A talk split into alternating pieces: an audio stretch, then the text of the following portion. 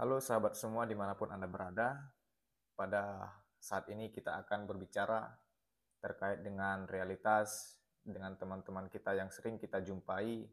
Mungkin ada yang menyatakan, aku ini orangnya mudian.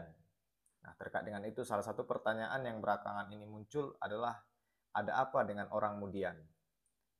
pernyataan mudian ini mungkin sering kita dengar dari teman kita, baik itu ketika di media sosial, baik itu ketika di perjumpaan dengan di tempat nongkrong, atau ketika kita berkuliah, atau bahkan ketika kita bermain dengan teman kita. Ada yang menyatakan, hari ini aku malas ngapa-ngapain, jadi aku merasa mudi. Bahkan ada juga, aku malas berhubungan sama teman dia, teman ini, aku malas berkomunikasi sama dia karena orangnya tiba-tiba aja betek gitu. Nah, sebenarnya apa itu mudi? Nah, mudi itu adalah sebuah kata yang lumrah kita dengar, baik di media sosial, berita, perkuliahan, atau percakapan sehari-hari. Ada yang sudah memahami maksud dari kata mudi, namun ada juga yang masih bertanya-tanya mengapa mudi bisa muncul dan apa yang akan terjadi selanjutnya. Nah, sebelum kita tahu lebih lanjut tentang mudi, kita harus terlebih dahulu tahu tentang apa itu mood. Mood adalah sesuatu yang dirasakan oleh seseorang berjam-jam, berhari-hari, bahkan berminggu-minggu tanpa tahu penyebab atau alasan munculnya perasaan tersebut. Terkadang kita melihat mood dan emosi itu adalah hal yang sama. Padahal ada perbedaan di antara keduanya. Mood hadir tanpa kita kenali situasi penyebabnya. Sementara emosi hadir dengan mengetahui situasi penyebabnya. Selain itu, durasi mood jauh lebih lama dibandingkan dengan emosi. Nah, sebagai contoh, ketika ada yang menghina kita, mungkin kita akan merasa marah, marah yang hadir di sini adalah emosi. Karena kita mengetahui penyebabnya. Sementara itu, mood marah hadir saat kita rasanya marah tanpa ada yang mengusik atau berbuat jahat kepada kita. Nah, mood marah ini pun bisa terus kita rasakan dalam beberapa hari, bahkan berminggu-minggu. Nah, mood yang seperti ini, kalau kita pelihara, yang awalnya mood, dia akan berubah menjadi mood swing atau moody. Nah, ini adalah terjadi secara naik turun. Dan moody ini pun terjadi begitu saja, tanpa ada pemberitahuan terlebih dahulu. Seperti senang, kesedih, atau tiba-tiba merasa marah. Nah, kita bisa perhatikan contoh lebih spesifik lainnya adalah ketika kita sedang merasa senang dan sangat semangat dalam beraktivitas tiba-tiba rasa gloomy dan bingung hadir tanpa tahu penyebabnya yang pasti. Moody dapat menjadi sesuatu yang normal, akan tetapi juga bisa mengarah pada suatu gejala gangguan psikologis seperti gangguan bipolar dan gangguan siklotimik. Yang perlu kita sadari adalah ketika kita kehilangan kendali untuk mengelola moody hingga mengganggu keseharian, jangan ragu kita sharing kepada teman kita, kita sharing kepada beberapa tenaga-tenaga profesional. Nah, kalau kita perhatikan lebih lanjut, apa sih dan gimana sih lika-liku orang yang mudi ini? Manusia sejatinya memiliki kemampuan untuk mengenali perasaan diri mereka dan orang lain, serta mengetahui penyebab dan dampak perasaan itu muncul. Nah, jadi gimana itu perasaan dalam diri seseorang itu muncul, dia juga bisa melihat perasaan dan dalam diri seseorang itu muncul. Nah, kemampuan ini dikenal sebagai dengan self-awareness atau kesadaran diri. Ketika self-awareness belum berperan dengan baik, maka seseorang dapat mengalami yang namanya moody. Moody dapat terjadi karena seseorang belum bisa mengenali perasaan sendiri. Nah, jadi teman-teman semua, kalau teman-teman belum bisa mengenali perasaannya sendiri, nah hati-hati nih. Kita bisa terjangkit dengan suatu yang dengan istilah kita bicarakan saat ini yaitu dengan moody. Hal ini semakin diperkuat dengan perubahan atau perasaan tanpa penyebab yang jelas loh. Akhirnya seseorang terjebak dalam lingkaran perasaan yang ia sendiri tak pahami. Tidak ia pahami. Moody juga bisa dialami oleh karena jam tidur yang kurang. Seseorang dengan jam tidur yang kurang tentu ini bisa mengalami ketidakseimbangan atau ketidakstabilan emosi. Ketidakstabilan emosi berupa lebih sensitif, mudah lelah, mudah merasa kesal, dan rentan terhadap tekanan. keterkaitan tidur dan moody ini dibuktikan loh dengan penelitian yang menggunakan fMRI, yaitu Functional Magnetic Resonance Imaging, yaitu sebuah alat yang dipakai untuk melihat bagian otak yang paling aktif ketika ada proses berpikir, merasa, dan berperilaku dengan membandingkan otak manusia yang tidur cukup dengan yang kurang tidur. Hasilnya, amigdala atau bagian otak yang berperan dalam mendeteksi bahaya takut, emosi negatif lainnya, orang yang kurang tidur ini lebih aktif 60% dibandingkan orang yang cukup tidur dan peran korteks prefrontal kurang optimal. Nah, bagian korteks prefrontal ini adalah bagian otak yang berperan dalam berpikir rasional, membuat keputusan. Dampaknya ialah ia menjadi lebih waspada, siaga, serta sensitif terhadap stimulasi negatif. Dengan demikian, orang yang kurang tidur mengalami penurunan kendala emosi karena bagian otak yang berperan dalam hal tersebut kalah dengan munculnya emosi itu sendiri. Nah, lalu apa sih dampak dari moody itu? Nah, perlu kita teman, perlu kita ketahui teman-teman, penurunan moody secara tiba-tiba berdampak pada semua orang di sekitar kita. Misalnya, ketika kita mendadak bete atau suram, orang lain akan bingung dan bertanya-tanya. Muncul pertanyaan seperti, ada apa yang salah? Apakah aku menyakitimu atau membuatmu kesal? Terdapat yang namanya saraf cermin atau mirror neurons pada otak yang menyebabkan manusia turut merasakan suasana emosi dan perilaku orang lain. Hal ini dikenal juga sebagai mood contagion atau sebaran mood. Nah, contohnya ketika seseorang tiba-tiba merasa gloomy, maka orang lain yang coba berbicara dengannya turut merasakan gloomy. Bahkan bisa juga berujung pada kekesalan terhadap ia yang gloomy. Nah, perlu dipahami bahwa orang yang moody ini pun tidak mau sejatinya mengalami hal tersebut. Nah, untuk itu ada beberapa hal yang harus kita perhatikan dalam mengatasi dan mengelola moody ini.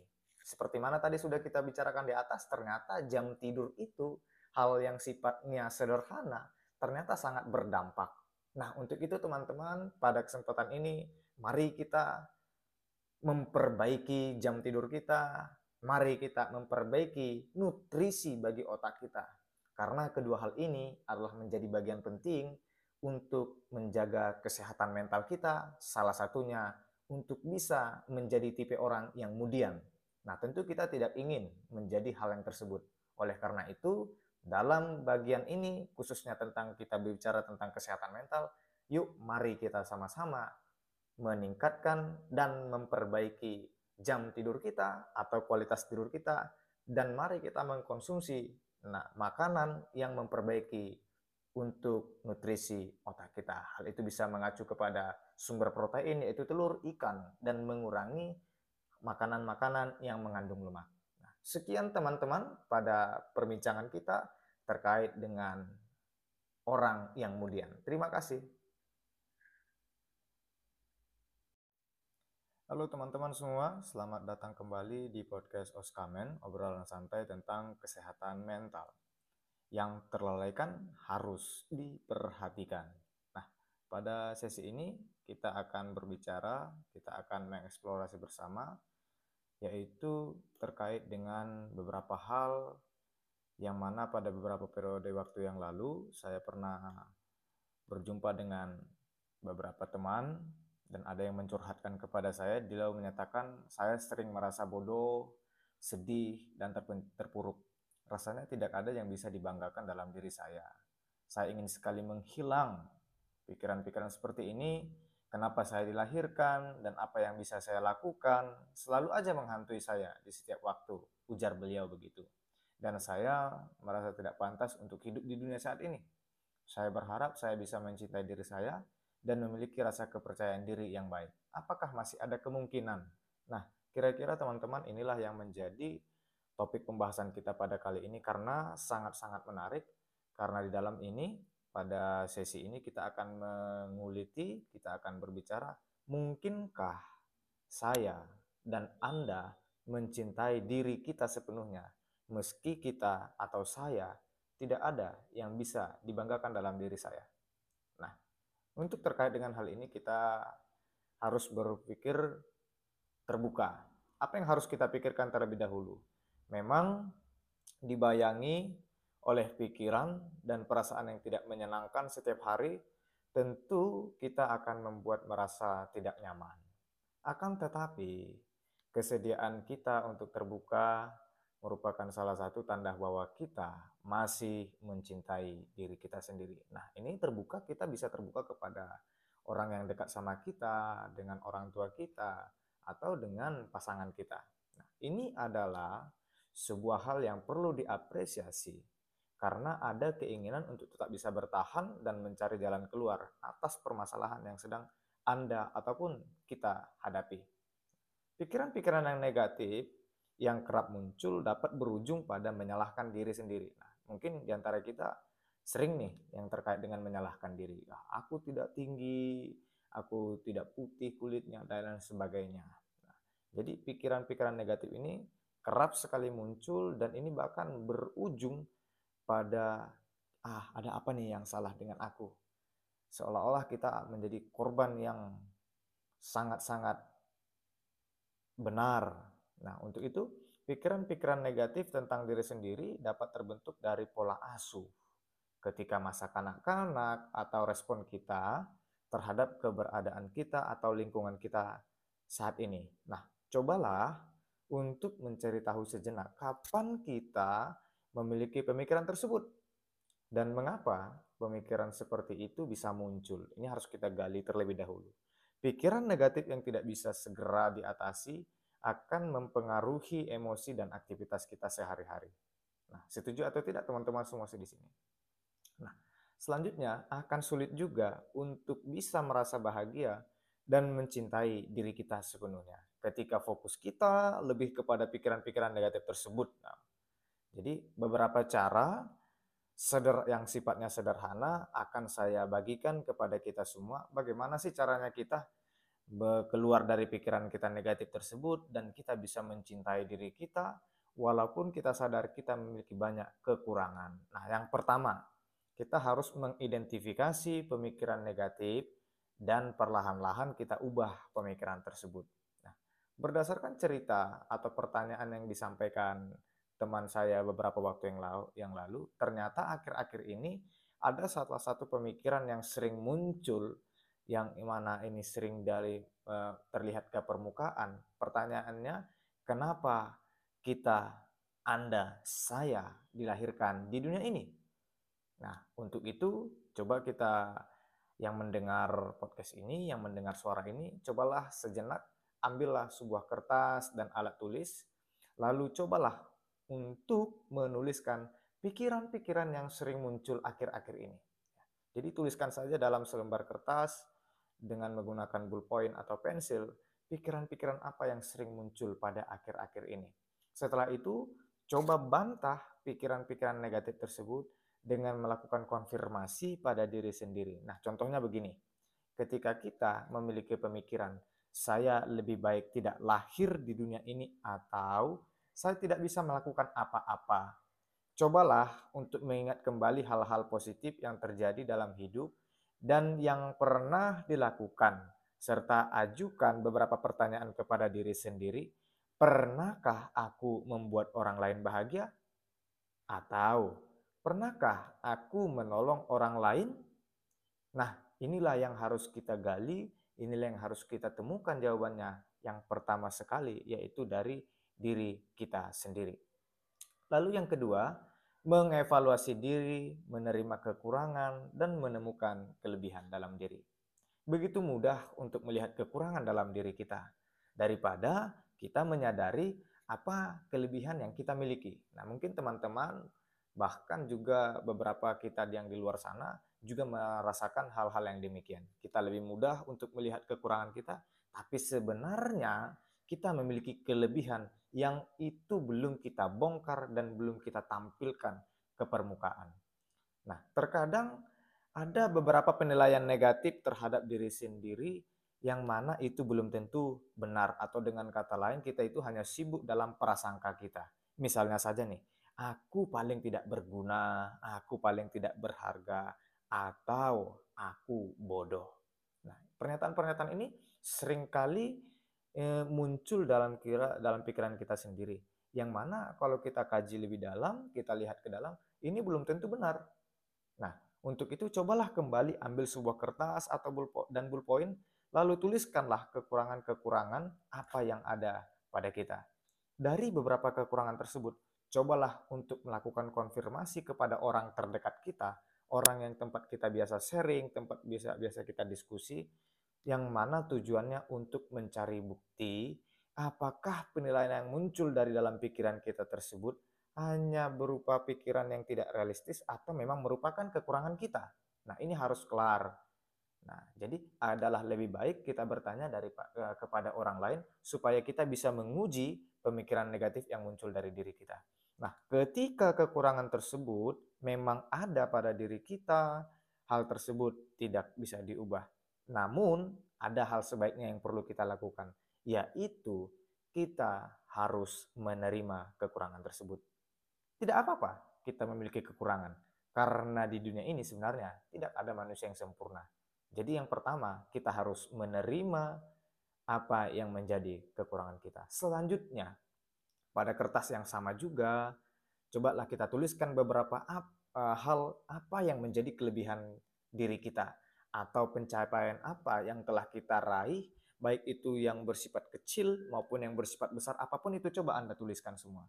Tuliskan hal tersebut tanpa menggunakan kata tapi, ya. Jadi hilangkan terlebih dahulu penggunaan kata tapi. Nah, apabila kamu Anda masih kesulitan untuk menemukan sisi positif, maka tidak ada salahnya kembali untuk bertanya kepada orang terdekat kita, eh, kepada sahabat kita. Mungkin pada awalnya itu akan sulit, akan tetapi kita harus percaya kawan-kawan, kita harus percaya teman-teman bahwa komentar positif dari orang lain itu adalah perlu kita dengarkan. Namun cobalah untuk mempercayai penilaian orang tersebut. Nah, ketika kita sudah menampilkan apa yang menjadi uh, kelebihan kita dan orang lain juga melihat kelebihan kita, coba kita diskusikan dan kita tanya kepada diri kita, apa benar ini yang menjadi kelebihan kita? Jika masih terlalu sulit untuk mengidentifikasi kelebihan dalam suatu waktu, cobalah lakukan pada hari berikutnya. Dan tentunya dalam suasana yang tenang dan santai dengan mengingat hal baik apa yang telah kita atau Anda lakukan di hari itu. Nah, untuk itu teman-teman, jangan lupa kita untuk memberi apresiasi pada diri kita sendiri. Lalu poin yang ketiga, yaitu lakukan afirmasi positif. Afirmasi merupakan rangkaian kata-kata positif yang diucapkan pada untuk diri kita sendiri dengan penuh keyakinan untuk membentuk citra diri dan meningkatkan rasa percaya. Nah, contohnya uh, dari afirmasi positif saya akan berikan kepada teman-teman. Contohnya, aku berharga, aku berarti aku memiliki kelebihan. Kita bisa melakukannya dan mengucapkannya ini pada saat-saat sebelum mau tidur, setelah bangun tidur, atau ketika ada pikiran-pikiran negatif mengusik di pikiran kita, kita bisa ingatkan diri kita dengan afirmasi positif ini. Aku berharga, aku berarti, aku memiliki kelebihan. Nah, ada baiknya afirmasi positif ini dilakukan setiap hari. Namanya juga afirmasi positif, ya kita harus memberikan penilaian-penilaian, masukan-masukan kepada pikiran kita yang positif, yaitu agar dapat menggantikan pikiran-pikiran negatif yang sering muncul sehingga pikiran yang positif akan berdampak pada perasaan dan perilaku yang positif pula. Tentunya itu pada diri kita. Lalu poin yang keempat, yang terakhir adalah kita harus menemukan rasa percaya diri kita. Membangun rasa percaya diri memang tidak mudah dan ini tidak instan kerjanya. Mungkin teman-teman juga melakukan hal yang sama dan memiliki persepsi yang sama terkait dengan hal ini. Tidak mudah untuk membangun percaya diri. Namun tidak mudah dan tidak instan bukan berarti itu mustahil. Nah, kita harus kelar dulu ini. Nah, bukan berarti ketika kita tidak menyatakan itu tidak mudah, ini menjadi semua sudah berakhir.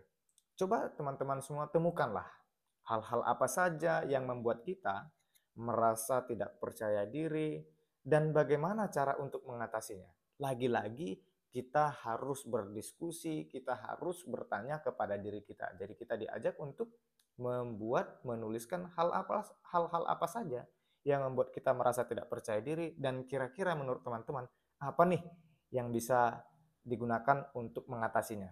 Nah, pasti terdapat potensi-potensi dalam diri Anda dan diri saya, diri kita yang bisa dikembangkan untuk meningkatkan rasa percaya diri. Misalnya saja, dengan mengikuti kursus bahasa Inggris, untuk dapat mengasah kemampuan berbahasa Inggris atau belajar hal-hal baru, salah satunya baik itu melalui platform media sosial ataupun melalui dari YouTube maupun dari guru privat langsung, ini yang harus kita kembangkan.